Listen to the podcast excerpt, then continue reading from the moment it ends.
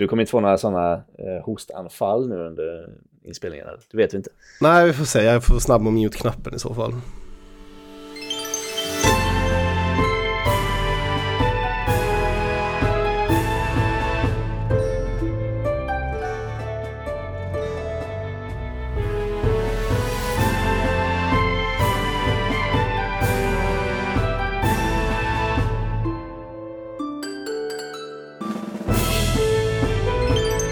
Hej allihop och välkomna till avsnitt 489 av eh, Svamprikets podcast Svamppodd. Nu är vi alltså 11 poddar kvar till eh, 5 fucking 100. Peter, hur känns det? Ja, det, är, jag vet det har börjat växa en viss stolthet i det här att vi, vi är de som styr upp Sveriges äldsta spelpodcast liksom. På 500 avsnitt. Ja, Venerable är det så nu? Åtminstone en av dem. Eh, men det borde det väl kanske. Ja, precis, jag vet inte, vi kanske inte. precis, det blir en sån här beef om vem som får ha den moniken. Det kanske finns någon kvar. Ja. Ja, eller hur. Ja, precis. Eh, jag heter Niklas Sinton, du heter Peter. Jajamän. Uh, ja, men, eh, vi ska podda idag. Vi skulle varit lite fler, men vi har lite manfall. Det är ju vabruari, va? ja, Eh, det märks på mig också. Det är Jag sitter också här och jag har feber as we speak. ja, men ja, det är sådär alla klassiskt. dras med lite. Ja, klassiskt. Vi tänker, ja, men vi hörs efter läggning och så spelar vi in podden då Ja. och så trillar det bort folk under läggning. Ja. Eh, Barn som hoppsan, ett barn vaknade med stekheta. 40 grader feber. Jag låg där och skulle lägga ett barn som började tokhosta eh, plötsligt och sa att han hade ont i halsen. Jag bara fan, kanske inte blir någon podd idag. Men eh, han somnade så det gick eh, bra. Och som sagt, du är också lite krass. Så är det i februari. Hela Ja. världen är sjuka. Men- Eh, men eh, spelen slutar ju inte komma för det. Nej. Det kan man ju lugnt säga. Fan vad vi har eh, spelat. I alla fall, jag har gjort det i alla fall hittills i år. Spelat piss mycket nya spel. Ja, jag har också spelat en hel del. Nu har det senaste dagarna har jag mest varit eh, så här, säkra kort och filmmaraton på så här killfilmer. Körde, Ja, men det känns ju helt rimligt när man ligger hemma och är snorig och jävlig. bränt av Heat och Casino eh, idag. Eller igår var det Heat, idag var det Casino. Så nu är jag så här halvvägs in i extended cut av Sergio Leones Once upon a time in America. Så här, Åh Nätta fyra timmar och elva minuter. Fan vad sjukt. ja, det Jag kom på att jag har inte ens sett hit i vuxen ålder tror jag. Jag har bara sett den som typ som barn eller tonåring Ja. eller, eller något sånt där. ja, det är ju Ehm. speciellt. Men, men så, så är det alltså både Robert, alltså Scorsese och Michael Mann gör ju ganska, de är mer moderna regissörer så, men när man kollar på sådana här Leone-film, Mm. alltså, det är nog helt annat storleken på de här projekten. Alltså, så sanna cinema epics i sin, i sin sanna form. Så det är så här set design och bygga upp New York 1917 med så här, kanske tusentals statister i bakgrunden bara för att så här. Och så Ja. Morricones musik på det också. Så här. Det, Det är liksom inte så här, budget var liksom inte ett begrepp. Nej. Man bara, vi ska göra filmen. Ja, okej. mycket Nestor. du... som bara får Ja, carte blanche på banken och bara gör vad du vill. Så, så, så, så blir Mm. det otroligt också. Men det sådana, eh, sådana projekt görs inte längre. Det är lättare att göra film nu också. Nej. Tror jag. Ja, gud ja. Nej, det går inte att göra sånt. Men, sånt. Var det inte typ eh, Band of Brothers, eh, det är mycket modernare, men inte det också så här snor mycket Ja. jättestora soundstages som har byggt upp en hel Exakt. skog liksom inomhus Ja. och, och så där. ibland så Helt händer galet, det skulle aldrig göras idag. Mycket är ju CGI nu men, eh, istället liksom. Ja. Att, det, att det är lättare på det sättet. Men sådana här, man, man märker när man ser på dem. Alltså det är någonting annat. Det är väl lite, eh, senast man fick den känslan var väl Mad Max, Ja. eh, Fury Road. Ja men lite liksom. så också. Där man- så Ändå mycket som var byggt. är ju Scorsese också på tanke på det. Han gör ju samma eh, tidsera lite grann där med, eh, vad heter det, Mm. nya filmen. Eh, vad det nu hette. Slip my mind. Ja, den senaste, Ja, Killers Kids of the Flower Moon, ja, tack.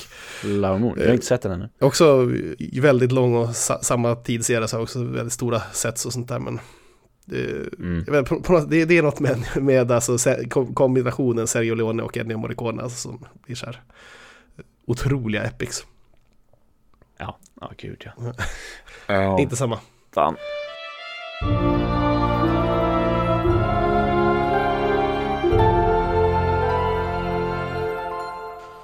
Men på tal om att eh, vi hade spelat nya eh, spel så har vi också, eh, som eh, trogna lyssnare kanske kommer ihåg, så spelade ju vi, så spelade ju du och jag och Ludde och Anders Fantasy Game Critic.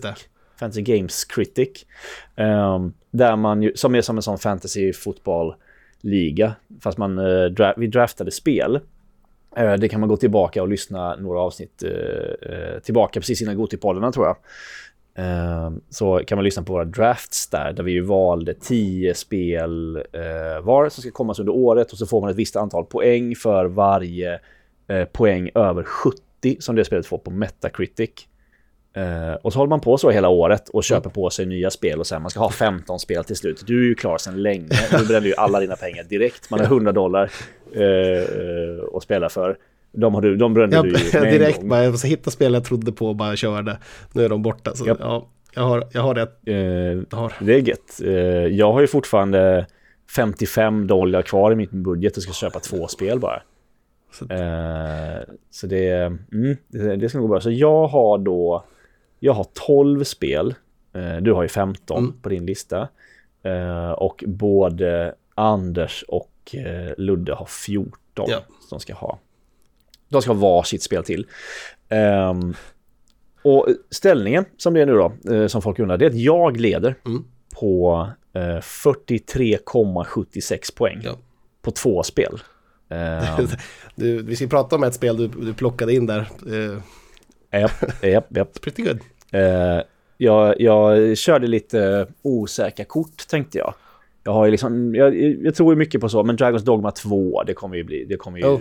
liksom ratas högst, högt tror jag. Metal Gear Solid Delta tror jag kommer ratas uh, högt. Uh, men sen så, de två jag har fått ut har varit Ultros. Det här uh, svenska Metroidvania som ser ut som en jävla syratripp. Uh, där fick jag 11 poäng på 81 critic poäng. Sen var det då Balatro oh. som kom ut. Um, på 92 på Open Critic.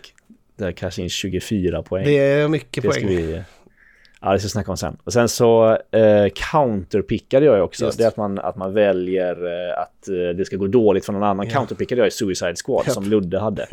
eh, det fick ju 60 på Open Critic, så där fick jag 10 poäng till. Och Ludde fick minus 10. Inte för att du har counterpickat, men för 60 är så pass dåligt att man får minus 10, va? Eller? Eller får du extra för ja. eller får han mer minus för att du counterpickade? Nej. Nej, utan du får ett eh, minus per varje ja. under 70 också. Ja, jag bombar stenhårt. Eh, eh, ja, det, det gjorde det ju verkligen alltså. Herregud. Eh, det kan man väl eh, höra om också i förra veckans podd, ja. tror jag. Om jag inte helt fel. Ja. Du har ju cashat in på Persona 3 Reload 88. ja. Det är ju också jävligt bra. Det kunde man ju nästan listat ut. Ja, men det var lite det var så. Jävligt smart val. Ja, det, det visste man ju. Sen så... Då också, betalade ja, Pacific precis. Drive ut lite i alla fall. Mm. Precis. Det har ingen av oss hunnit spela ännu. Nej. Det verkar ju ganska fett. Det ser lite alltså. spännande ut. Det är kul, man har någon sån här mm. gammal, jag har sett lite av det nu mera. Att det ser ut som en sån här eh, gammal, eh, gammalt slagskepp som de kör i typ Päron till farsa. Att det är en sån enorm stationwagon. Ja, det är väl en sån stationwagon ja. Så det ska vara ett survival-spel också. Ja. Eh, på tal om eh, spel vi kommer snacka om sen. Det är jävligt mycket survival-spel nu. Eh, kanske poppis. lite för mycket. Ja. ja, det kanske blir för mycket. Uh, Ludde har ju cashat in på uh, Tecken 8 ja, såklart. Så Helldivers 2, Mario vs Donkey Kong. Inte Suicide Squad då. Uh, Bandletale, A League of Legends Story har han cashat in på 4 poäng. Vilket det är, det? Är det fighting-spelet eller vad är det? Nej. Uh, nej, det heter 2XKO eller något sånt där tror jag. Okay. Uh, jag vet inte vilket Bandletale är. Är det typ deras, det är säkert mobilspel eller något då? Ja, säkert. säkert. Alltså, han var det väl League of Legends liksom. Ja. Uh, och så uh, Anders då gjorde också ett sånt där persona-val. Mm. Uh, Grand Blue Fantasy Relink liksom. Sen så har han preliminära poängen kommit in på Final Fantasy 7 Rebirth på 93. Ja. Yep. 90 fucking 3. Det kommer vi prata om idag också, ja. för det har jag spelat. Så ser det ut just nu. Ja. Vad har vi för kommande? Vi har Brothers. Den här veckan, Brothers och Tale of Two Sons remaken, den har Ludde. Eh, och så Final Fantasy då, som Anders sa. Han har också The, The Thaumaturg som kommer nästa vecka. Just. Som jag inte vet vad det är. Han har Unicorn Overlord, eh, Unicorn Overlord, Vanillawares eh, RPG-strategi. Mm. Sen kommer jag med Dragon's Dogma 2, eh, Anders igen, Rise of the Ronin, Anders igen, Princess Peach Showtime, Ludde, South Park Snow Day. Sen har du två stycken där Open Roads och Homeworld 3. Jag tror Homeworld 3 kan bli eh, riktigt bra.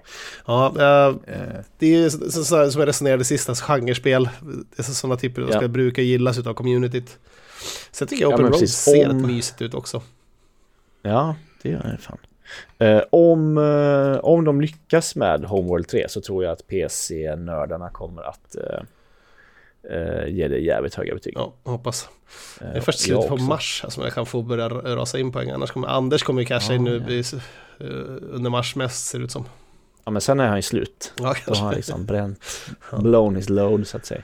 ja vi får se. Det, det är ju typ ingenting. några osäkra också så jag får se om- om typ Hades 2 släpps ens.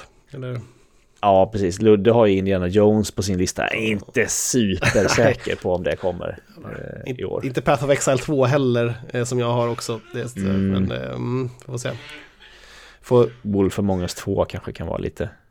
kan Shaky också. Vad heter det, notera att det, det kanske hörs en våldsamt hostande sambo i bakgrunden här också. För vi är sjuka bägge två givetvis. Alltså hon, hon är precis på fan, väg att bli fan. sjuk nu. Jag är på väg ut ur det. Så, Nej, vad tråkigt. vi vad det det var Fantasy Games Critic i alla fall. Så ligger det till. Vi kommer ju uppdatera Mm. kontinuerligt under året när det händer saker och när någon av oss är med. Ja, men någon gång i månaden i alla fall. Uh, känns som en Mm. bra. Så, så får man se lite vad som har rasslat in här. Det är kul i alla fall. Det, jag tycker det är roligt att sitta och titta på recensionspoäng och sådär. Man blir mer investerad Ja. i spelåret överhuvudtaget känns det som. Här. Jag också så här, så spelar fantasyfotboll är ju så att var, då är varje eh, matchvecka mer en grej också när man har tävlar mot kompisarna och så. Ja. så det, Ja. det hjälper till för intresset i stort. Ja, men det gör det verkligen. Och det var inte så krångligt som det kändes Nej. från början. Nej. Vi kanske kan få med oss fler nästa år. Det hoppas jag. Eh, Men med det så bör vi eh, faktiskt kasta oss rakt in i spelen för att vi har eh, mycket att prata om. Så det blir inte så mycket annat än spel, för det händer inte så himla mycket annat heller. Nej, vi gasar på. Ja, fan, vi, vi gasar på. Jag vill ta tillfället i akt. Jag vet att Ludde och Linus hade spelat Skull Bones Mm. till förra veckan. Eh, det har jag också gjort. Jag tror att jag har spelat lite mer än vad de har gjort. Eh, en handfull timmar eh, ändå. Jag vet inte, kanske åtta timmar eller någonting. det är dedikerat. Ehm, och ja, jag har ju inte haft jätteroligt någon av de timmarna. Så är det ju. det, det är ehm. inte det första 4A-spelet alltså. Nej, det är ju inte det. För att det är precis som någon beskrev det som att... ehm, ja, men jag, jag, såg, jag kommer inte ihåg vem det var nu, men jag såg någon beskriva det här som att du har tagit ett MMO, Mm. typ The Division, för att eh, då eh, spela han på eh, Ubisoft. Och så har du tagit bara Endgame och liksom skalat bort hela eh, progressionen, hela storyn dit. Eh, The Division har ändå ett här, ganska kul liksom, äventyr, både ettan och tvåan, tills man kommer till, eh, vad heter till, till Endgame. Mm. Här är liksom storyn finns, men den är inte, den finns bara för att det, den ska finnas. Egentligen vill de att du ska bara ut och eh, göra typ ett av så fyra olika sorters eh, uppdrag. Mm. Raid, raida någon hamn, eh, hitta och skjuta sönder någon så farlig pirat eller ge dig på någon sånt world event. Det är typ de tre grejerna. Så ska du göra det i ökande svårighetsgrad. Samla, eh, samla resurser med minispel och bara bygga nya båtar, uppgradera dina båtar med nya kanoner och så vidare. Och så vidare. Det är fan det är ingenting som är kul i det här spelet. Det är så jävla hjärndött. Jag fattar inte.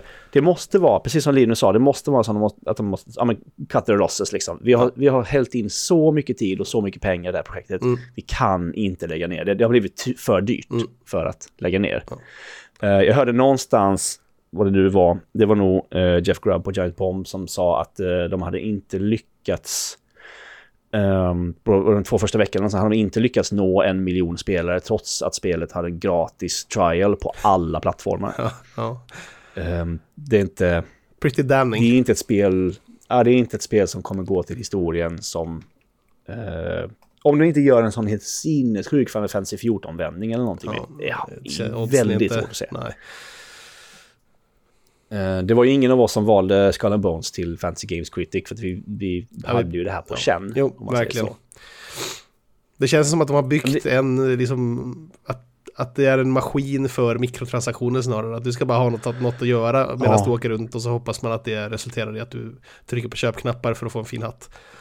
Att- Ja, det finns ju liksom ingenting som är, som är intressant. För, att, alltså, det, det bygger ju då på, på liksom seglandet och sådär i, eh, Assassin's Creed Black Flag och som sen har varit med i de flesta Assassin's Creed-spelen. Det är bättre i alla Assassin's Creed-spel än vad det är i det här spelet där man har tagit den specifika saken och byggt ett spel kring det. Man vill ju segla runt där. Uh, ja, nu är det inte i Karibien nu, utan nu är man i, i, uh, Indiska oceanen, alltså runt där. Östafrika, mm. ja men Sri Lanka, liksom där. Den, den sidan. Vilket är lite kul att det inte är Karibien ja. för en gångs skull visserligen. Men, eh, men man vill ju kunna segla, segla till någon fin liten ö och bara lämna rodret, ja, dyka i vattnet och leta upp någon hemlig grotta eller hitta någon, någon rolig skatt. Ja, eller ja. brottas med rätt, krokodil. Men det går inte. Rätt viktiga saker i ett piratliv liksom, om man ska ha en piratkänsla så. Eller worldbuilding överhuvudtaget. För vi har, vi har ju pratat om kanske ja. det problemet också i, i, Starfield i att hur, hur um, eh, Bethesdas andra spel fungerar för att de har en plats, de har en karta där man befinner ja. sig i. Medan i Starfield så är du i rymden och åker runt, så, så ja, du kan landa på ställen. Hoppa liksom. runt, ja. Men det har ingen identitet, de här platserna liksom. Här finns det inga platser alls, men du måste liksom ha någonstans spelet utspelar sig och du ska kunna fritt utforska och sånt där. Mm, precis. Du, du, har verkligen bara, ja, här kan du hoppa i land och då är det specifik, specifika ställen och det enda du kan göra där är att springa runt, prata med folk, så här, sälja och ja, köpa saker. Just. Det finns inget så här, ja men vi springer in i djungeln här och kollar läget. Nej. Eller vi simmar till den här ön. Nej, inget. Det finns ingen så här, Nej, här kan man vara koefficient. Oh, här kan man vara. Nej, Nej du skulle, men precis, man skulle aldrig ta en, en skärmdump och skicka i, på, på Svamprikets Discord. Nej. Och skriva här kan man vara. Nej. Som man gärna gör i, i andra spel. Där man hittar något, något gött ställe att vara på. Det är ingenstans man vill vara där. nej, nej, jag fattar Misslyckad. inte alltså. Ja, verkligen. Uh, men som, som Ludde sa också, att om det inte blir fantastiskt sen, men det, det, har jag inte hört att det ska vara heller. De som har recenserat det på riktigt har ju ändå uh. Uh, gett det 60 totalt på Open Critics. Så det, mm. ja. Lika dåligt som Suicide Squad då, typ. Ja, jag ville bara ge mina två cent ja. uh, till Skull and Bones. Uh, du har ju också haft en ganska besvikelse ja. till, innan vi går på tre stycken fantastiska jävla otroliga spel. Precis. Så, eh, ja, för jag tänkte lite på att det var ganska likt det här för att äh, även äh, Skull and Bones har haft det att de har kört väldigt mycket aggressiv marknadsföring till det för att de som sagt de skulle cut their losses och bara du får vi fan pumpa ut det här för allt vad vi har för att vi måste få tillbaka någonting på det. Alla måste veta att jag kommit nu när det försenats ja. åtta gånger. Precis. Nu är det på riktigt. Och där har vi ju sett liknande, att, du, du jakade väl också det där att man ser ju Nightingale överallt nu. Att det, är, ja. att det dyker upp på Twitch, det dyker upp i social medieflöden och sånt där. Att nu är det här eh, quirky survival-spelet kommit där man eh, ska bli det är ett survival-spel där du hoppar runt i olika typ Narnia-liknande världar. Eh, det är så här viktorianskt, steampunkigt, eh, där du färdas jag vet inte exakt hur världen är byggd eller håller ihop liksom, men det, det, det, det mänskligheten har typ Eh, sedan länge varit eh, medveten om, eh, eller till och med varit allierad med någon slags fej-väsen. liksom, och att det finns andra världar man hoppar till via portaler, lite Stargate-liknande så, men världarna är snarare typ så här mera Shakespeareanska sagoväsen och feer liksom. Och eh, det är typ det det bygger på. Man har ju en följeslagare i början som heter Puck som berättar om världen för en och har ett sånt teatermask på sig och flyger runt. Medan man själv har så här stora Aha, ja. handlebar mustascher och en fin frack på sig. Och så här, ja, ni förstår grejen, bowlerhattar och sånt.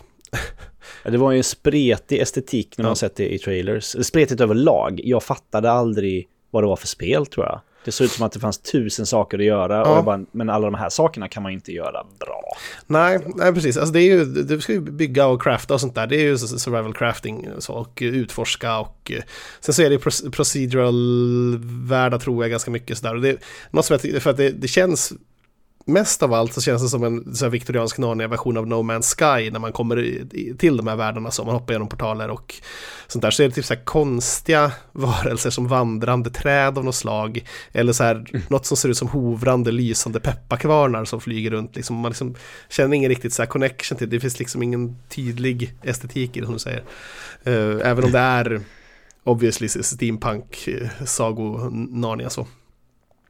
Men eh, det finns någon detachment där på något sätt. Eh, men de ändå, då känns det ändå som att man försöker bygga upp någonting rätt seriöst. Sådär, att de har en idé med det så. Jag tycker inte att det ser dåligt ut på så vis, men inte på samma sätt som Skull and Bones. Men eh, problemet här är att det är släppt i Early Access och så är det jättebuggigt. Jag spelade i ja. en timme Och sen fick jag en game breaking bug som gjorde att jag inte kunde komma vidare. Jag har läst om det också, det är quoten är att man, man ska starta om, spela om från början, tutorialen, och hoppas att det funkar i princip då. Det, det är fixen. Ah. ah. Some players have reported okay. spending upwards of four hours making new characters but still can't get through the tutorial section. Där... Man kan inte släppa. Nej spel i sånt skick. Nej, och där, det där klaff, klaffar lite grann med det där också med den aggressiva marknadsföringen. Att de, de vet att det här är, ah, vi, vi måste trycka ut det nu. Så vi, och vi vet att det är dåligt så att vi måste se till att boosta det här med att eh, marknadsföra ordentligt. Så. Det tar emot ja. när man spelat en timme plus märker att något inte står rätt till och så läser man att man måste få börja om på nätet. Speciellt när, Nej, när man har andra spel man vill spela också. Så det är lite synd att sådana här monumentala buggar kommer ut i early accessen. Så att, eh, det skadar ju spelets anseende ja. rätt mycket. Inte minst med tanke på att ja, just man märker att det är lite sneaky med. De, pumpar ut reklam för det fast det obviously är jättebesvikelse för många. Folk är inte glada. Ja, verkligen. Det verkar ju vara den här studions första spel också. Inflection Games heter de. Ja. Eh, de skriver på sin sajt att det här är vårt första spel. De blev köpta av eh, Tencent för typ några dagar sedan. Ah, såklart. Det är där måste där pengarna kommer ifrån också. Ja, uh, jag tänker hur fan, för de står, som, de står också som utgivare för det här spelet på, på Steam. Ja. Så jag undrar hur fan har, de, hur har det här gått till? Liksom? Ja. Uh, men då är det väl, ja men, uh, kinesiska pengar. Kanadensisk studio, Edmonton är de baserade mm. i Reflection då.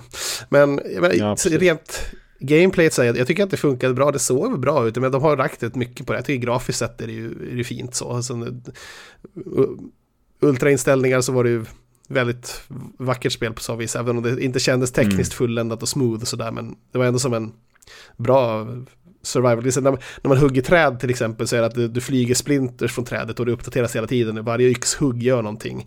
Och det känns verkligen som att du hugger ner ett träd. Liksom. Det, de har lagt ner mycket på grafikmotorn och så. Det ser coolt ut. Ja.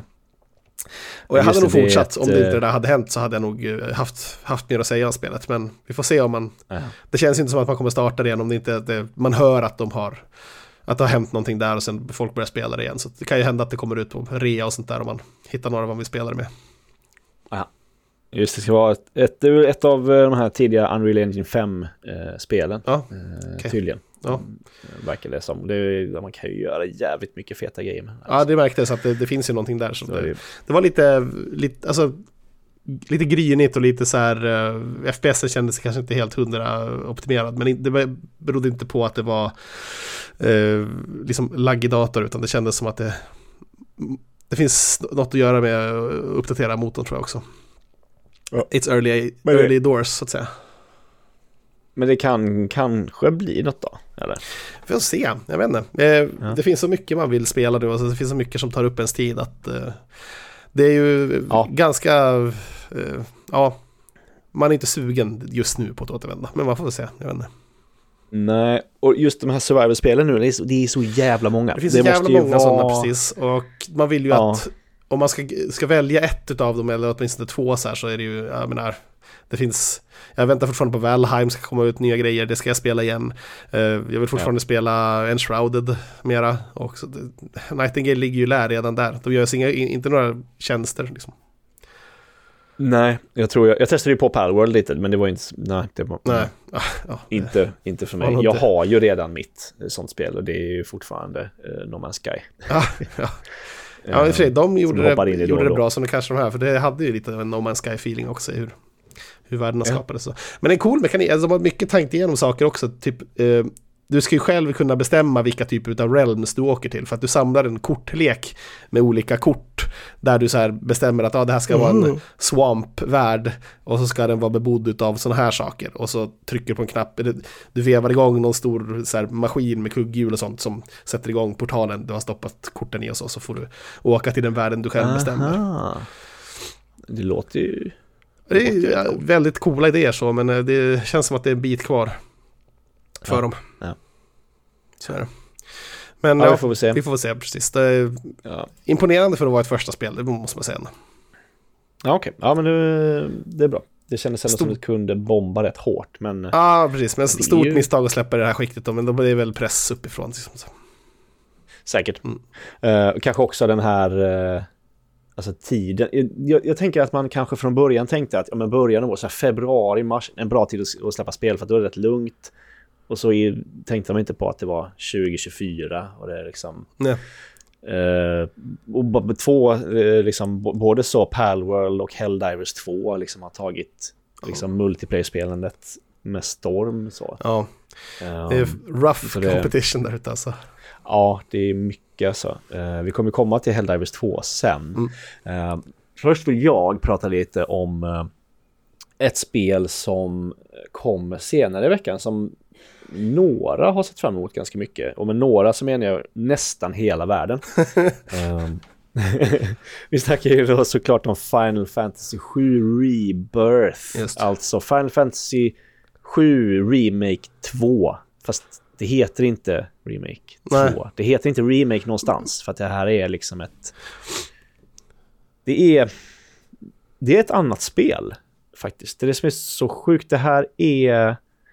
Um, man? Alltså man har gjort, man har tagit Final Fantasy 7 och så har man gjort liksom Star Wars-trilogin, eh, originaltrilogin av det, Okej, eh, känns det som. Verkligen. Det är inte... Det är ganska mycket som är annorlunda. Det är ju fortfarande, jag menar, världen, storyn eh, är ju samma, eh, men eh, ganska, ganska mycket nytt i stridssystem med synergi-skills som är väldigt viktiga för att, för att staggra fiender och sådär som man gör i, i det här spelet. Ja. Jag vet att Peter, att du inte har spelat eh, vare sig eh, eller remake, så du, du, du kan sitta där som ett frågetecken. Men... Eh, eh, och, eh, men också man har lagt till massor med, ja men man har typ så social links liksom med sina, sina, sina kompisar och ja, relationssystem fast typ eller? ja Okej. precis. Ja, men det gillar man ju i Eh, rollspel. det, är det, är- det är lite mer av allt så att säga. Vi är ju då Uh, Final Fantasy 7 Remake slutar ju ut efter Midgar. Midgar är den här ja, stora staden Mm. där allting går åt helvete i början av Final Fantasy 7. Och liksom, det man- visste nu efter det så var man ah, det som händer här är att man kommer ut på världskartan. Man får se världskartan för första gången. Och det är det man tänker, hur fan, hur gör de det i, eh, i remake? Mm. Liksom. Eh, för att det, jag vet inte om det finns... Det finns ju nästan inget spel som är heligare än Final Fantasy 7. Nej, Nästan inte, nej. Det, Det är ju- fan svårt att ja. hitta.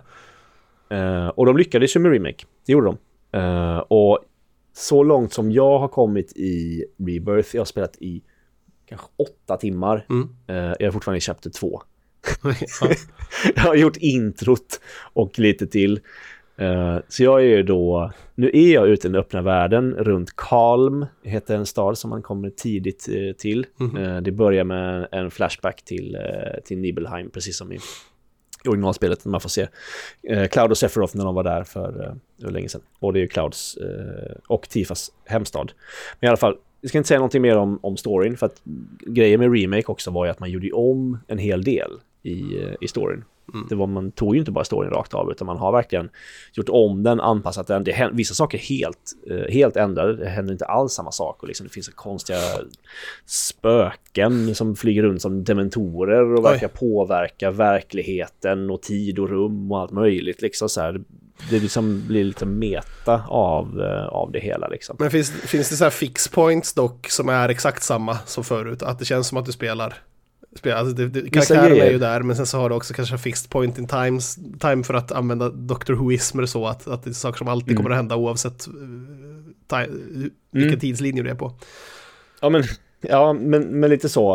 Eh, det, även i det här spelet ute på den öppna världen så ja, det har man ju sett i, i trailers och sådär. Det finns den här, eh, det finns en klassisk boss, eh, första tiden, Mm. alltså world-bossen liksom, som är en stor del av orm. Eh, den finns ju här liksom. Och, och Chocobo, Chocobo Sams, eh, eller Chocobo, eh, det tidiga Chocobo Stablet man kommer till finns också. Liksom. Jag har gjort en massa quests eh, för, för dem Okej. och, och rider runt på en Chocobo. Jävligt kul att se Red 13 som, eh, som ju då är en fyrbent varelse. Mhm.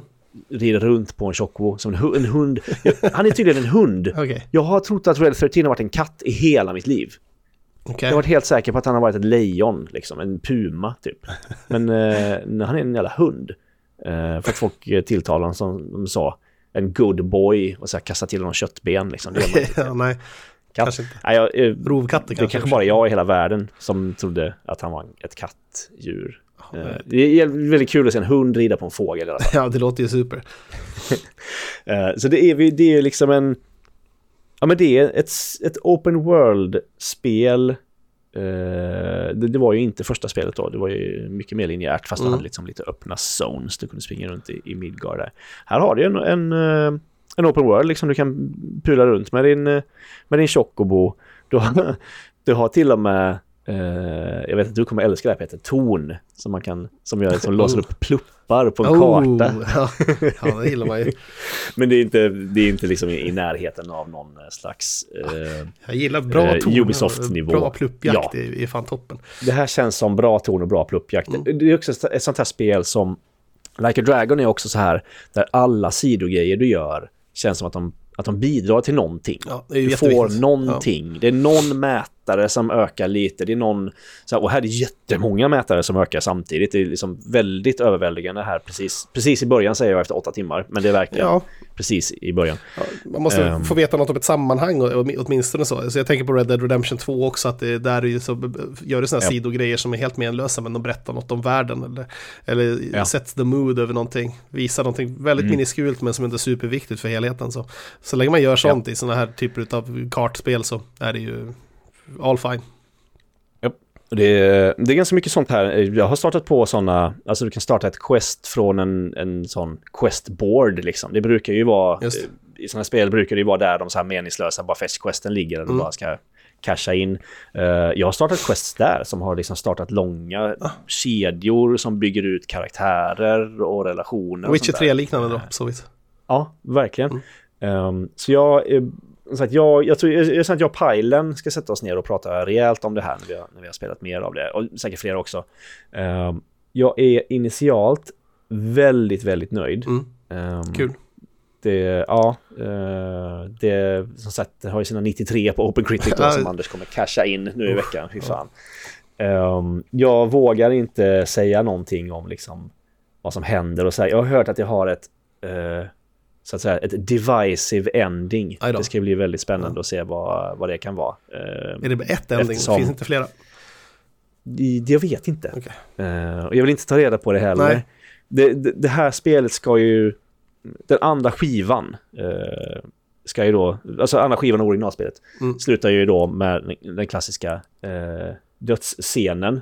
Och det är väl inte en spoiler så här eh, hundra år senare. Eh, vem som dör liksom. Vem, jag vet Ehm, inte, vem är vi som dör? Nej, är det sant? Ja. Eh, ja, spoiler då för världens äldsta spel och kanske världens mest profilerade eh, dödsscen i ett spel.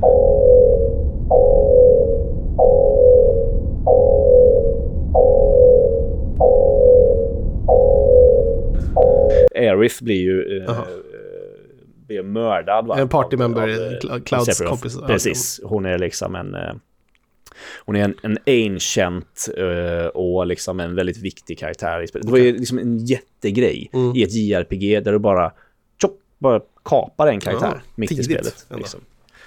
Ja, Det- eh, verkligen. Och det- och som man kan ha, du kan ju ha byggt upp henne liksom och Ja. du kan ju ha mainat henne Åh, liksom, och levlat som maxlevlat henne och så här som bara borta.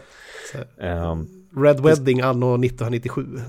Ja, men verkligen. Eh, så det, har ju, det var ju jättekontroversiellt då. Mm. Och det ska bli väldigt kul att se hur de gör det.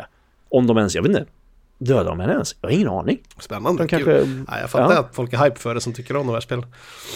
verkligen. Eh, som sagt, eh, bara hunnit peta på det lite. Men vill ju verkligen, verkligen, verkligen bara fortsätta spela detta. Ja.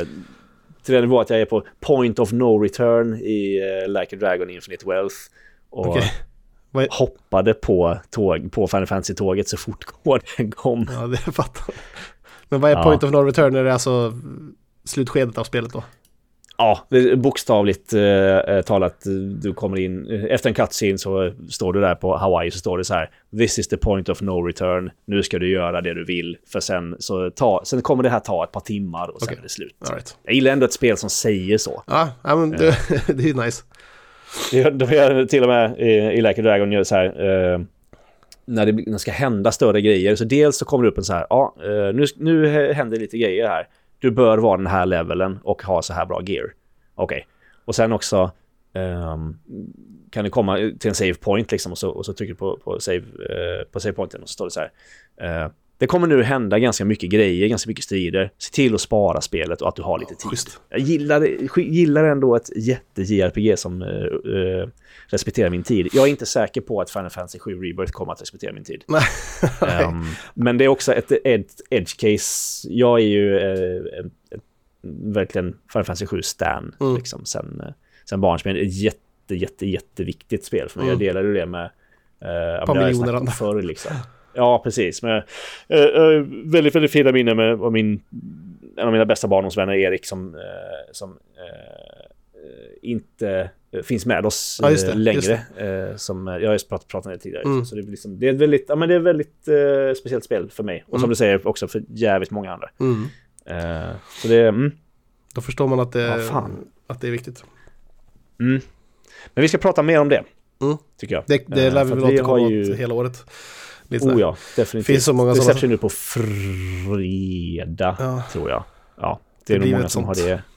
Som vi har på, jag, skulle, jag skulle kunna prata om Baldur's Gate nu också för att jag nitade typ 18 timmar ja. i det förra, förra helgen. Så jag har, pratar inte ens om det. Jag, har inte... jag är i akt två och vill bara tillbaka. Jaha, ja, jag har, har väl kommit dit eh, snart tror jag. Men det var för att jag började på en ny karaktär och sen eftersom jag köpte en ny PC och nu äntligen kommit igång och spela igen så. Eh, det kommer vi också kunna prata om resten av året känns det som.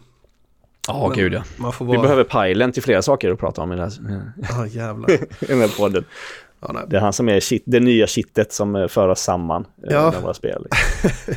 Ja, kul. Fan. Jag får, jag får dåligt samvete varje gång jag tänker på Baldur's Gate. Ja. Varje gång jag ser någon skriva någonting om, om Baldur's Gate 3 så får jag jättedåligt samvete. För att jag borde och vill så jävla gärna spela. Det kommer finnas kvar där. Jag tror att det är ett sånt spel som inte kommer åldras sådär liksom för, för fort heller. Utan det, det är ett Nej, sånt, det eh, kommer vara tidlöst. Ja. Det märks. Jag har, alltså, jag har aktivt undvikit att starta det för att jag vill ha, ha tid att göra annat också. För starta vet jag att jag sitter där typ hela dagen om jag kan. Ja, det är det. Det kräver ju sin tid, mm. det här spelet. Um, saker som inte kräver så mycket tid men tar ens tid, ja. som blir som jävla timesync, har vi ju två spel kvar att prata om uh, idag. Jag tänker att vi kanske börjar med Helldivers 2 mm. ändå. Kan vi um, Det har ju vi spelat tillsammans ju. Ja, vi hann köra ett, vi har också haft tre drops eller något. Ja, precis. Vi har också haft ambitionen att uh, spela och streama tillsammans. Men uh, den här uh, ja, vabruari och sjukan ja, och allt möjligt. Vi får försöka återkomma dit. För, för spelet är ju alltjämt aktuellt. Det är ju väldigt ja. poppis och många som spelar fortfarande. Det har ju, vi kom ju in, vi hade lite små problem mm. eh, hade vi ju, men vi kunde ju ändå spela liksom ganska. Du fick eh, allt F4 någon gång för att du ja, fastnade i Råkade joina något, game, något liksom. annan, någon annan tjommes spel liksom och sen så kom jag inte ut ur den menyn efter ett tag så fick jag allt F4 men det var någon bugg. Ja. Men det gick ju fort att starta upp igen så. Det var väl då de peak, det peakade på så 250 000 concurrents eller någonting. Ja, precis. Eh, de sen dess har de ju... Cappat det på 450 eh, tror jag. Jag tror att de har kappat det på 800 000 var det senaste jag Aha, läste okay. nu. De ökar, ökar upp den då. ja, de har ju liksom gått ut eh, Dels så har de en, en, gått ut och nästan bett om ursäkt. Eh, och jag vet vdn där för, för Arrowhead, eh, vet inte vad han heter. De sitter i Stockholm, Stockholm eller Uppsala. Ja, Stockholm. Eh, man ser logotypen från eh, bron över. Eh, ja, men, ja precis. Ja, okay. ja, det är Stockholm. Just det. Uh, han har ju gått ut på Twitter och till och med sagt att Alltså, jag skulle rekommendera att du väntar med att köpa det för att nu, nu funkar det inte så bra. De är, liksom, de är ändå ödmjuka på det ja, sättet. Det gillar man.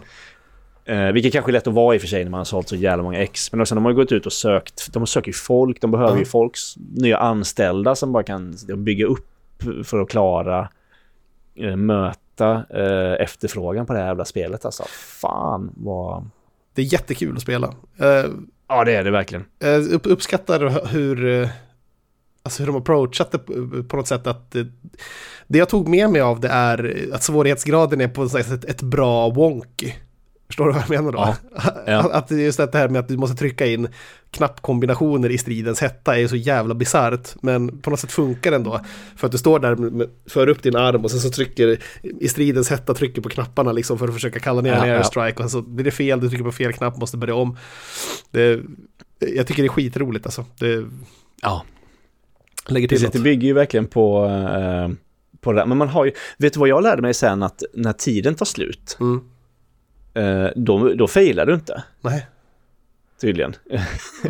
Eh, jag kommer inte ihåg vad som hände, men du failar inte uppdraget när tiden, när tiden tar slut. Jo, men just det. Men då sticker, då kan du inte få några mer orbital drops tror jag. Ah, okay, att ja. ditt skepp drar All right. och bara schappar liksom. Så du, du kan inte kalla ner några airstrikes Nej, eller supply då är man ju drops. Och det snabbt är ju ändå, rökt ändå. det är ju liksom ändå core-mekaniken i Ja. det här spelet. Du är super, Eh, superberoende utav det, att kunna göra det. Ja, så jävla många gånger man har eh, lyckats trycka in knappkombinationen för så här revive Ja. eh, granat, eller man ska kalla, kalla ner när ens teammate har dött. Så kastar man den här bollen som eh, beaconen som gör att du ska, du ska komma ner och bara dör jag direkt liksom, Mm. så du gör samma sak. Men det är så också bara det Direkt som, man som är så bisarr grej, att, att, du har, att du har... Det är som så här, att de här människorna som har designat det här, så i in-world-grejen, den här fascistregimen, har designat någon teknologi som gör att du ska kasta en jävla boll som visar vart, det, vart, det, ska kom, vart det ska komma någon jävla airstrike någonstans. Och så kan den bollen, liksom, liksom att bara studsa på ytor och hamna i din ryggsäck om du har otur. Liksom. Eller bara ner för ett Ja. stup som det blev eh, när jag skulle kalla in, när vi spelade, och skulle kalla in eh, resupply, så hamnade den nedanför eh, en stor kulle liksom, som vi stod på kullen och skulle försvara den. Så fick man Ja. springa ner dit, bara för att, nej jag kastar fel. Det är också så här wonky grej som är, som är rolig och bra, att liksom, teknologin i, i världen funkar inte särskilt bra för den är dåligt designad. Eh, Ja. Sen så gillar jag också hur, ett av de få spel som gör den korrekta grejen att ammunition stannar i magasinet när du dumpar magget. Här, Ja. Om du skjuter så här typ 10 skott, sen tänker du att ah, jag ska ladda om, då slänger du ut 20 kulor. Så du måste Ja. ju hela tiden kalla in ny ammunition för att du inte liksom har vett att, att sp- använda varje kula så. Det sitter ju i ryggmärgen att eh, trycka reload varje gång man har slutat skjuta med, Ja, med precis. Så fort du släpper vapen, musknappen så är det R. Så recycla spelet conveniently din ammunition åt i Call of Duty och allt sånt där. Men inte i det här ja, inte, precis. utan här är allting på, på, gott och ont så är det mycket svårare men Ja. också bättre. Så alltså. Jag tycker att det är... Och när ett, när ett klipp eller ett, ett mag är slut, då, då klickar det också. Du, du, du, Ja. laddar, inte, laddar inte om automatiskt, du måste tänka på det. Och du ska tänka på det i stridens hetta, Ja. liksom, där det liksom bara svärmar in Vi körde ju på easy, alltså. bugs. Och det var ändå mycket fiender. Du kan ju tänka sen när du är liksom fyra pers och så kör du på en svårare svårighetsgrad. Och du bara, alltså, det man har sett själv när jag kollat andra som spelar så är det ju, alltså mängden fiender och, och kaos är helt, helt bisarr. Ja, Svårighetsgraden- Du, kastar ner liksom atombomber i princip Ja. från, uh, uppifrån rymden. Och, och, Du ska försöka hålla koll typ- på allting medan så du måste också hålla koll på din eh, dumma utrustning som inte gör som du vill. ja, var det typ nio svårighetsgrader? Nå, någon, Ja, någonting sånt där. precis. Vi körde på två, Ja. tror jag. Det är helt... Absolut, vi ska spela det mer, men fan vad kul det är. Har, har, du, har du sett också diskussion om Starship Troopers som blossat upp igen i och med Helldivers 2? Jag har sett några memes, så Glenn skickade till mig. Och internet är nu så dumt att internet inte fattar att Starship Troopers är en satir. Ja, okej. Utan, ja, eh, man tänker, "Åh, varför glorifierar de fascism så mycket? Det är ju inte så bra. Man bara. Precis. Man bara ta sig för pannan. Väldigt roligt i alla fall. Alltså, inte sett Eh, en och också enda liksom- Paul Verhoeven-film. Nej, precis. Titta på Robocop och Starship Troopers. Liksom. Fan. Um, ja, men det är väldigt roligt. Fan vad kul det var med robotarna dessutom. Jag Ja. spelade ju aldrig Helldivers 1. Nej, jag trodde att jag hade gjort det. Sen insåg jag att jag inte hade gjort det. Eh, men robotarna finns ju tydligen med där också. Jag Aha. trodde att det bara var bugs. Med. Men Ja. De här jävla Terminator-robotarna, fan vad äckliga de är. Ja, det har varit en sån jäkla eh, eh, skillnad på ton där. Vi, när vi, du, vi började med två uppdrag på någon slags eh, lavaplanet som liksom kändes så här Ja, run of the mill, mycket bugs och geysrar och grejer. Så här, ja, det är som en alien planet. Men nu kommer vi till någon lush liksom djungelplanet och sen så bara massor med Terminators med röda ögon som dyker upp i buskagen. Ja, och det var på natten Ja. och mycket så motljus, Ja. eh, typ Dimmigt. Predator, eh, dimmigt Ja. och motljus i djungel och så ser man de här röda ögonen på Terminator-robotar som är helt jävla livsfarliga. Ja. Och eh, vad fan, eh, insekten, de, de ser man ändå, de kommer ändå, så Mm. skjuter man dem liksom. Bara, bara så. De här robotarna kan ju stå 100 meter bort med raketgevär och Ja, visst. bara, Ja, de ska ju vara för jävliga på svår, svårighetsgrad också, att man bara kan få en jävla raket i ögat från ingenstans och tvärdö Ja. om man har otur. Ja. Så, ja. Undrar, det ska bli kul att se hur, hur det scalar i svårighetsgrad också, om man kan få till flera spel. För att eh, det märker man ju i Mm. Darktide till exempel, att där när man, när man skruvar upp det från 3 till 4 till exempel i svårighetsgrad, eh, där du bara har fem stycken, så är det ju, då blir det jäkligt tätt om öronen, alltså bara du går upp ett steg. ja. Jag tror bara jag gick från två till tre där, Ja. eller något sånt där. Eh, det, ja, vi, vi får väl se om vi kommer. Om vi kommer så långt. Ja, vi borde försöka, för det var jävligt kul att spela. Ja, det var det. Jag har varit sugen på att gå in och spela själv, men man vill ju inte köra pickup groups i det här. Liksom. Nej, jag körde lite själv faktiskt för att testa. Jag körde själv på Trivial, eh, ett mission, och det gick ju bra. Eh, Det var inte särskilt svårt alls egentligen. Och så kunde man ganska, på inledningsvis i alla fall, jag antar att det är något som, som stryps av lite senare när du har gått upp i level mycket och sånt. Men det var rätt mycket resurser eh, när du kunde springa runt själv och eh, utforska och hitta alla de här, eh, jag har glömt bort vad power-upsen heter nu, de du använder för att uppgradera skeppet och sånt där. Men de fanns Ja, där, jag tror jag fick med mig åtta stycken eller något sånt där. Det var Ja, samples va? Ja, precis. Och det var väl en ja, liksom 20 minuters match eller någonting. In och hämta lite grejer och skjuta. Så gå och spela själv i början i alla Det fall. kan man göra. Bara in och pilla lite mellan eh, gångerna man, eh, man kan spela med andra. Ja. Sen så, så, Kom- det, finns ju, det finns ju folk som spelar max svårighetsgrad solo också, sådana riktiga tryhards. Ja, precis. Ja, det, det lär ju... Ja, men det finns säkert redan, ja. MLG-killar. Nej, Helldivers, alltså fan vad, vad kul det är och vad roligt. Alltså vad glad man blir för Arrowhead Ja. ändå. Eh, jag har ändå gillar i Magica som fan. Spelar du det någonting? Ja, absolut. Det, jag spelade Ja. eh, handfull timmar i alla fall. Ja. Till multiplayer. Alltså det är wonky. Känner, jag har eh, bekanta som gjorde sin start i, i eh, spel, som speldesigners också som, eh, genom att gö- göra just Magica på Arrowhead. Ja, ja. En sån liten det studio som bra- tror på sina koncept så. Det gillar man ju. De har kört hårt på sin eh, på sin sitt koncept här och eh, har lyckats. Ja. Det är första gången det inte är top-down va, i ett spel. Ja, det är det ju. Ja, du kan väl skifta till Magica- FPS här också. Sådär. Ja, precis. Uh, Showdown-effekt är också ett sånt top-down-spel. Gauntlet-spel gjorde de ju, och första Helldivers. Ja. Just det, Ja, är fan- showdown-effekt. ja. Det var ett side-scrollande, typ John Woo Var det side-scrolling kanske? Ja. ah, jag trodde det var uh, top-down. Det tror jag Ina som jobbade på det. Det var just när det kom och det var multiplayer också. Man körde, det var riktigt actionfyllt faktiskt, eh, showdown effekt. Ja. Det dansade en, ett par veckor där när det kom ut. Som ganska många som Ja. spelade, det var roligt som fan. Ja. Ballt. Nej, Helldivers 2 det gillar man. Det får vi spela mer av. Ja, det, Försöka streama också. Fan, det hade varit ja. kul. vi får ge det ett försök. Ja, det får jag. Men du, eh, du har spelat lite kort. Det har jag med gjort. Ja, det på tal om saker Ja. som går åt tid. Jag hörde ju om det här Balatro. Mm. Eh, det var ju att folk snackade om det demot i... eh, Det kom ett Steam, så Steamfest, eh, Nextfest eh, demo. Mm. Och då började folk snacka om det, lite poddar och så här. Och då tänkte jag, ja men jag kniper det till, till Fantasy Games Critic. Ja. Eh, och sen kom det ut då och fick 92. Ja. Och jag bara, men då, ja, okej, jag måste ju köpa det här. Även om jag inte spelar kortspel. Ja. Eh, och så streamade jag ju. Och så hängde du med där lite. Och sen så har Mm. ju du stuckit iväg med det här så att säga. Glenn också för den delen. Jo, Glenn har spelat med längst av oss tror jag mest. Här, men Ja, jag tror Jag fick min andra win i, idag.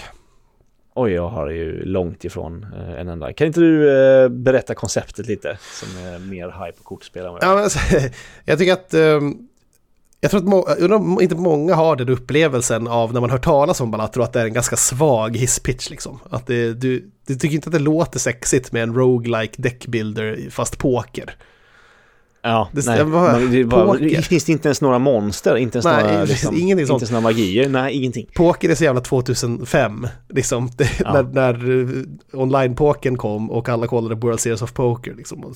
Det var då alla Ja, spelade poker. precis. För alla som gör det nu är degenerate gamblers typ. Men Ja, ja, ja. Men då, och då var det Holden. Så här, men det här är, alltså, det är poker. Men det är också inte alls poker. Utan det är ju, Nej.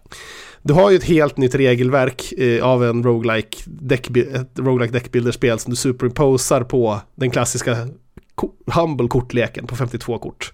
Och Ja. pokerspelets logik så. Att du ska bygga, eh, precis, du ska bygga pokerhänder. Exakt. Spela ett visst antal pokerhänder. Ja, du drar eh, x antal kort så får du eh, upp så här ett gäng kort och utav dem så får du discarda eh, om du vill. Du har ett visst antal discards per match Och sen så har du ett antal händer du får lägga per match. Och så ska du komma upp i Mm. poäng som är över eh, den nuvarande bossens, så att säga, eller var, ja, eh, blinden kallar de det då, för att använda pokerlingo då. Eh, så ska du komma upp i en viss poängsumma för att komma vidare till nästa blind. Så.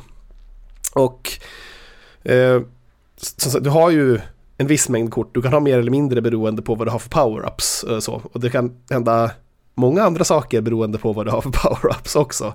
Och vad du har gjort för val tidigare. För du, kan, du har ett bräde ovanför din, din, eh, din kortlek som heter power, alltså jokrar. Du kan ha fem jokrar, oftast fem jokrar. Och jokrarna gör synergieffekter där du får eh, poängen av din pokerhand ihopräknad och så gå, eh, plus eller gånger eh, det som kallas för mult då. Eh, jokrar ger ofta mult eller andra effekter där du får kanske mer chips som läggs till din poäng och ja. Sen så eh, lägger du korthänder och så känner du poäng och eh, så ska du lägga ko- komma förbi den poängen på fyra händer typ varje match.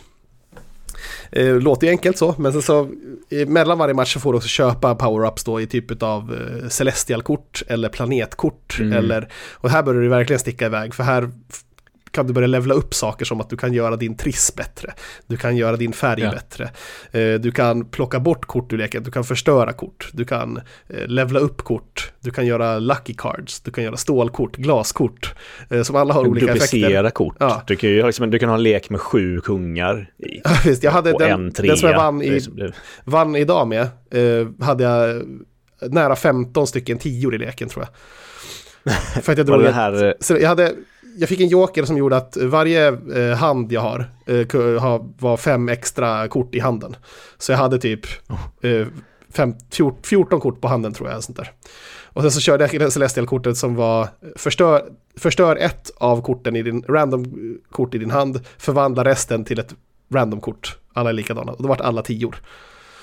Och så, så, eh, i den leken så hade jag också eh, en joker som gjorde att varje gång, det Mm. första handen du discardar en match eh, levlar du upp. Så i princip början av varje match så discardade jag ett par. För att jag hade alltid ett par på handen. Och det levlar upp mitt par. Så att mot slutet så var mitt par på typ level 22 och varje par gav Åh, typ upp, uppåt 40 000 poäng, eh, poäng varje par jag spelade så. Och så hade jag ju alltid par för att det kom tior till handen hela tiden för att jag hade så många tior i leken. Där, man kan ju ha sönder det här spelet. Ja, exakt. Det som, är så, det är det är som jag tycker är så jävla vackert med det här, att för att de, de har släppt, eller de, han säger jag, det här är ju som det ofta Mm, är, det är en- så är det en utvecklare på sådana här indie-fullträffar som kommer från ingenstans, så är det bara något, något sologeni. Local Thunk heter han, kanadensare han också. Förhoppningsvis inte någon dusch. Nej, precis. Men alltså att, att man bara släpper det här och sen så inte säger särskilt mycket utan nu får alla bara försöka figure it out. Och det är så där, för vi som tycker om deckbuilders och kortspel, man blir liksom bara, ja, man dras in i det för att Pure Mechanics är så vackert när det är väl designat. Att man vill undra, vad kan jag göra med den här maskinen liksom? Vad finns det för möjligheter? Man vill in och börja tinkra liksom och testa. Vad, Ja. vad, vad finns det för förutsättningar? Hur stora siffror kan jag få? Hur mycket kombos kan man få? Och så vill man berätta om alla tokiga mekaniker man kan, man kan bygga ihop. Så det är egentligen, det är som att designa en värld, att designa ett, ett ruleset så bara. Som bara är ren mekanik. I sin simplicitet så är det otroligt vackert och härligt när, när, att se något så här avskalat vara så jävla beroendeframkallande och roligt. Ja, jag undrar, eh, undrar hur långt jag kommer komma i detta. Jag är ju inte... Jag älskar ju kortspel, eller älskar, men jag tycker väldigt mycket om kortspel tills man måste bygga en lek. Ja, Vilket är ett problem. Men jag tror, att, jag tror att snarare att det här kan vara en, en väldigt bra förutsättning för dig som inte tycker om att bygga lekar. För att i det här sättet, Mm. sättet så, du, alla är så jävla bekant med en vanlig kortlek. Att, att Ja. börja förstå hur man bygger en lek i det här tror jag är lättare i, än i att sitta någon jävla Hearthstone-grej och bara titta på de här jävla korten med gobliner och, och, och mex och allting som gör olika saker, står grejer på korten. Nej, korten gör typ exakt det som står på dem. Det här är en ruter 9. Ja. Och- Ja. Och här så bygger du heller inte den... Det är inte som i Hearthstone till exempel att du bara okej, så jag klickar liksom new deck och Nej. så får du välja Nej, nej. första kortet, Utan du andra börjar kortet. alltid med en vanlig kortlek. Och samtidigt så har du precis. hela tiden också tillgång till regelverket. Jokrarna är där uppe, de säger exakt vad som pågår. Du ser varje match vad Ja. de gör. Du kan trycka på knappar och se vad har jag i leken. Du kan trycka på din run-info så kan du se hur många gånger har jag spelat eh, Triss, hur många gånger har jag spelat kåk. Ja. Vad har jag för level Allting på dem? där. Allting finns där. Så jag tror att det, snarare så är det nog en, en fördel så att, att bygga en lek i det här kan de flesta nog komma in i som, som har spelat kort. Liksom. Har spelat Svältaräv, Ja, ja. eller så funkar det också tror jag. Men just poker är väl de flesta bekanta med också, så det är därför det så det var kul att se om de hade byggt, byggt det i Svältaräv istället. Hade det kanske gjort, varit en lika stor hit. Jag vill ha, jag vill ha Finns i sjön med en twist. Ja, precis. Don't sleep on it, alltså snubben kan skriva om med Balatro 2, då är det finns i sjön. Ja, ja, gud. Ehm, det finns ju också i Final Fantasy 7 Rebirth, uh, kommer jag att tänka på nu, är också ett kortspel med, Oh, såklart. Eh, nice. det, var nog någon, det var nog någon där som eh, spelade väldigt mycket The Witcher 3 och gillade Gwent. Alltså, eh, och också Gwent. tyckte att de skulle ha ett bra eh, kortspel. okej. eh, som heter Queen's Blood. Som är så här lanes eh, där du lägger Ja. monster som tar över eh, Ja. ja. för olika... Fan, livsfarligt. Men där kommer jag behöva bygga decks. Ja. Så där kommer jag behöva vänta till spelet har kommit så jag kan läsa guider till hur man bygger Ja, bäst decks. Men i det här är det, Marvel Snap. är det lättare att förstå liksom för att du, när du, när du märker att du får synergier av vissa typer av kort så är det ju lätt att förstå att du vill göra dig av med andra typer av kort. Om du har, ja, om du har en joker som är bra på klöver, då vill, så får du möjligheten att förstöra kort och så ligger två hjärtor där liksom. Då tänker du, fan, då blir det statistiskt sett större om jag bara förstör de här hjärtekorten att jag Ja. drar fler klöver. Och så kommer man till en boss som eh, eh, Ja, gick jag på idag sagt. dödar alla klöver. Jag hade, det var verkligen, verkligen sista bossen också, bara disabled all clubs. Och så hade jag, för det finns något som heter vouchers också, som är det dyraste du kan köpa i affären, som gör eh, power-up för hela runnen så, som ändrar förutsättningar. Till exempel, det jag såg vouchern som var betala 10 pengar för att rulla om eh, bossens förmåga. Så. Jag borde ha köpt den. Oh. Ja, Så, satt jag där med... det skulle man haft med sig. Ja. Arslet bart liksom och bara, ja, ja. Gick in och försökte lite halvhjärtat lägga några andra flashes på spaden liksom, men jag hade ju inte alls lika mycket. Ah, fan, Balatro. Ah, det är... Mm, det är väldigt beroendeframkallande. Alltså ett kristallklart spel alltså. Det, det är så Ja. jävla perfekt på- ett sätt som är häpnadsväckande. Ja. Bara, bara, reinvent poker. Like, no big deal, där var snubben kommer och bara släpper. Jag gillar hans ambitioner Ja. också förresten. Jag såg att han hade twittrat ny, nyligen eh, för typ 23 timmar sedan eller någonting. Ja, nu är det väl 24 timmar sedan. Så bara, Day one of asking at Windows to include Balatro as a bundled game in their next release alongside Solitaire. han han är ute efter licensdegen. Go for it alltså. Ja, fy fan vad bra. Skitbra ju. Det var en värld. Nej, Det Ja, det är häpnadsväckande att bara kunna ta poker och bara göra en ny grej med poker. Som är så här roligt. Ja. Eh, Jag såg han har twittrat eh, här nu också att han har sålt 250 000 ex eh, på 72 timmar. skapligt för en Inte så kille. dåligt för en snubbe. Han gör grafiken så själv spelet 140 spänn eller 150 spänn. Ja, jag tror det va? Ja, han är heter ju- det? designer and artist. Ja, det är det. Det är ju en nice eh, look. Alltså, det är verkligen så gammal... eh, Du sa ju det Ja. under, under streamen där. Precis. Videopoker eh, Mm. på Finlandsfärjan. Man vill, liksom, man vill liksom spela det på en stor svart arkadkabinett och bara ha en lapp inkopplad Ah. och röka en cigg bredvid. Ja, vilken jävla dröm. Den har ju den har till och med så här CRT-filter Ja, exakt. och, och Man kan ju liksom lite så här. Ställa in det en, så att det blir ännu mer CRT också, skärmen blir ännu mer välvd och så om man vill. Ska ha en sån, så att det är som en rund skärm. Exakt, riktigt sant. som, som, som en sån eh, fisk, eh, fiskskål. Det är som att det inte räcker med att han har reinventat poker utan han har också fått gjort det estetiskt tight på ett sätt som folk fattar. Var, Ja. Fan, har obviously gått efter videopokergrejen liksom. Eh, det, skulle, det här skulle ju också kunna vara ett spel som eh, ballar ur. Alltså som ett, ett inscription. Där det finns ett, liksom ett meta, Exakt. ett narrativ och sånt där. Jag är lite Men rädd för nej, det. Det är bara... Eller, eller kanske, jag vet inte. Det kanske Men kommer jag tror något, inte sen det så- hade man väl hört, eller? Ja, men det finns mycket kvar att låsa för du låser ju upp nya grejer hela tiden också. Jag har börjat få Ja. upp eh, nya typer av jokrar och sånt där som är ännu mer speciella, som gör att man bara holy shit, det här kortet, om jag lyckas hitta det, eh, så kan man börja bygga några riktiga monster. Sen så, för att när du kommit fram till, jag tror att grejen sen, när du har låst upp det mesta och har klarat det med alla kortlekar och sånt. Eh, jag tror att man ska klara det åtta gånger med alla kortlekar typ för att, för att det ska vara complete. Men så finns det ju endless mode också. Det här ska bli kul att se. Det kan man ha så Ah. tävlingar med kompisar också, typ, på vem som kommer längst upp i endless. Gud. Jag har alltså inte ens kommit i närheten av att klara det en gång med en kortlek. Och det finns ju jättemånga kortlekar dessutom. Ja, exakt. Du, varje lek, så du börjar med röda leken, så finns det blåa, gröna, gula leken. Sen så börjar det komma så lite mer konstiga lekar också, så här typ Celestial däck och sånt där. Precis, och de gör ju då olika, de har olika ja. förmågor liksom. Men som då den blå leken har väl en, får du en... Discard mer tror jag. Eh, en discard mer. Liksom. Röda är en, extra hand. Gröna var det första jag klarade med, för den ger mer ekonomi. Då får du eh, mer, då får du pengar för varje sparad discard också. Just det. Mm. Uh, för det uh, är väl de enda permanenta uppgraderingarna mellan runs va? Mm, jag tror det. Ens, uh, ja. Det är ett tips ja, för de som börjar, pe alltså spendera inte pengar direkt för vi får interest också. För varje fem dollar så får du ett extra guld efter att du har klarat en, en blind. Så att, mm, det fattade inte jag förrän väldigt sent. Så jag mm. brände ju alltid alla mina pengar. Ekonomi är väldigt, väldigt bra idé. Du vill ha en liten stack mm. med guld också. Att du ska, behöver inte alltid bränna det på att försöka förbättra din lek hela tiden. Utan ibland så spend it wisely så. Ja, eller så här, för, vad fan skulle kanske köpt det på Switch ändå? Så ja, det är ju, ja, det är det. Jag hade nästan inte, det var ett jäkligt bra för... typ iPad-spel. Ja, hade man legat där hela Om tiden. Nu har jag ingen iPad, men eh, ja, precis.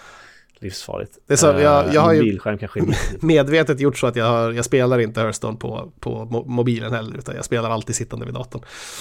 Nu är det inte lika mycket rage-tendenser för Balatro som det är för Hearthstone men när man spelar mot andra. Det här är ju mer en patiensgrej så att du spelar mot dig själv. Så. Men ändå, mm. jag hade förmodligen spelat alldeles för mycket, spenderat för mycket tid om jag spelat på mobilen Balatro. Eller på Switch eller padda eller så. Ja.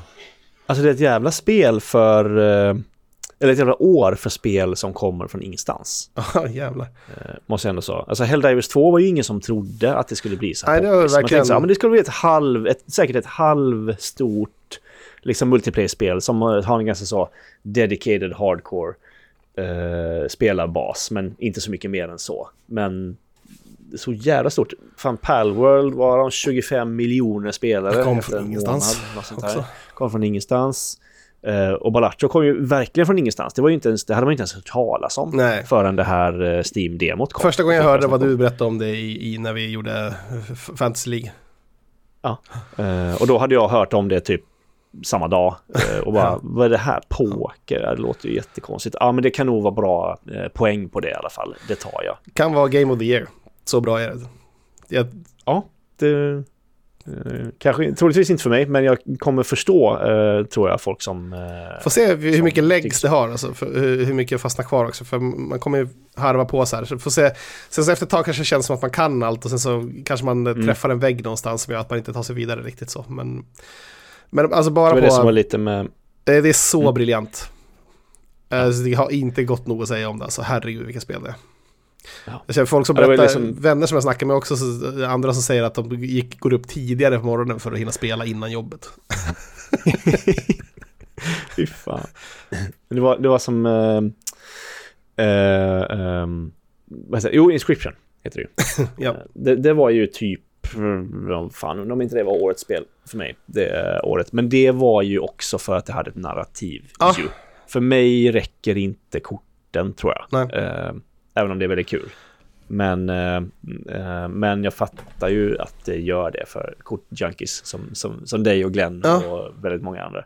Nej, men så det, för, Mecha Mechanics i sig själv så kan vara så, så tillräckligt. Alltså det, när det är väldesignat och bra så.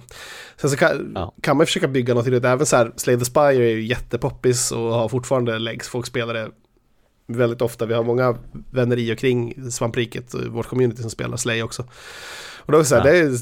det är man helt och hållet förlåtande till att det ser ganska kackigt ut. Och liksom fiendedesignen och musiken och sånt där. Är mekaniken är så bra att man nästan efter det blir kär i hur det ser ut. Bara för att, för att man tycker om spelet så mycket. Så det kan göra så mycket. Det är lite som Vampire Survivors. Ja men exakt. Det är, det är charmigt som fan också i sitt... Ja, det gillade jag i och för sig hur det såg ut redan från början. Ja. Men, men jag förstår att vissa inte gör När jag började spela Slay, när jag spelade det första gången så var det så men hur fan ser det här ut? Vad är det här för jäkla... Det ser ut som ett barn har ritat det liksom. Men nu är man ju typ... Mm. Ja, men det tänker jag ju varje gång jag ser Slay the Spire. Ja. Jag har aldrig spelat det. Nej, men det är som ett... Det är inte min sorts här, spel. Ser... Någon tonåring på Elfwood som har lagt upp sina bilder där som de har suttit hemma och ritat. ja, verkligen. Ja, det ser ju för jävligt ut egentligen. Ja. Men, sen, men sen så är det så pass bra att, att mekaniken är så bra att, att man blir förlåtande till allt annat. Ja. Att man snarare istället blir kär i det. Ja. Så Balatro har ju allt. kan det räcka. också utseendet. Ja. Balatro är häpnadsväckande. Ja men det är det, verkligen. Det, undrar om vi kommer få fler eh, och jag vill se Ludde streama eh, Balatro. Korthajen. varit, eh. Men han, är, han har ju fan spelat mycket kortspel nu sen han blev brädspelskille. ja det är klart, i och för sig. Ja, Han är väl inte helt, helt oäven till att bygga en Nej, liten bra. lek, tror jag. Men han får inte sliva korten. Det Nej, precis. det är, det är, väl därför man, det är väl därför man köper kortspel, inte det? För att sitta med de här kondomerna. Och För han inte spelar vara på. IRL Balatro, vilken he- hemskt att ha. Inte en maskin som räknar allt åt en. Du får ha en liten, du får liksom lite så här tippex när du ska byta, du ska byta färg på kort och sånt där som man kan göra ibland. Ja. Eh, Så får så här, så här du får ha liksom en, miniräknare bredvid. Får ha en sån här typ ingenjörsminiräknare som för att kunna räkna ut allting. du får, ja, men du får ju, du får ju komma med någon slags maskin, någon sån card printing machine. Ja, exakt. Som du kan, Fy fan. Ja, nej. fan De flesta sådana här spel funkar inte så riktigt. Folk försökte göra Nej. Hearthstone eh, fysiskt också i början, men det gav de upp. Ja, såklart. Nej, det kan jag tänka mig att det inte går så bra. Åh, gud. Ehm, men eh, du Peter, vi har ju eh, många spel här som vi kommer komma tillbaka till. Ja, definitivt. Känns det som. Det kommer bli en jävla vår. Eh, kommer det bli. Eh, men för oss idag här så tror jag att det är dags att runda av. Mm. Eh, vi har eh, ja, hostande barn och hostande sambos och allt möjligt Ja. som vi tas hand om och sådär. Eh, så så får det bli idag. Mm, och som vanligt så kan man ju följa oss överallt. Ja. Man bara söker på svampriket. Så eh, det mesta är vi. Ibland så är det någon som eh, ätar oss på Twitter och skriver om eh, kantarelder och Ja, Karl svamp. Det var ett tag sedan vi fick en svampplockare. Ja, precis. Det hände, det hände ett tag där. Det är antingen ibland. det eller så här hippies som undrar om vi har något att sälja typ. Det det är de två. Ja, det kan det också vara. Ja, men precis. Eh, kan jag köpa svampar av er? Nej, det kan du inte. Du kan köpa en t-shirt om du vill. Precis. Kom, kom häng på Discord. Ja, herregud. Nej, men kom eh, till svampriket.se. Där finns allting. Där finns vår Discord, där finns vår Patreon, vår Twitch och eh, allt möjligt så. Tobbe håller ju på att harva sig igenom en- massa NES-spel. Jag fattar det som att han råkade på en del ganska dåliga spel. Ja, han har haft lite Eh, kämpigt. Ja, Roller Games var ju Det är inte så kul. Inte ett ganska bra spel. Som ett, ett, Nej, det såg ju inte superkul ut. Nej, jag minns inte vad monikern var från Retroresan där, men det, Tobbe höll ju inte med Anders och Samsons analys om det i alla fall. Nej, just det. De gillade det. Fan, Tyckte det var rätt okej eller något sånt där. Tobbe hatar det. Ja, ja. Fan, kom och häng med oss. Då blir vi glada. Mm. Eh, Peter, eh, jag tackar dig för att du har hängt med mig Ja, tack själv. ikväll. Här sydde vi ihop så, Så- bra så. Ja, det gjorde vi. Uh, ses vi, eller hörs vi uh, uh, troligtvis ett annat gäng nästa vecka. Mm. Eh, säkert. Så får vi se när vi sammanstrålar eh, och kan snacka om framförallt Helldivers och uh, Final Fantasy eh, senare. Precis. Ha det så bra allihop. Ha det bra. Bye bye! Tja, tja.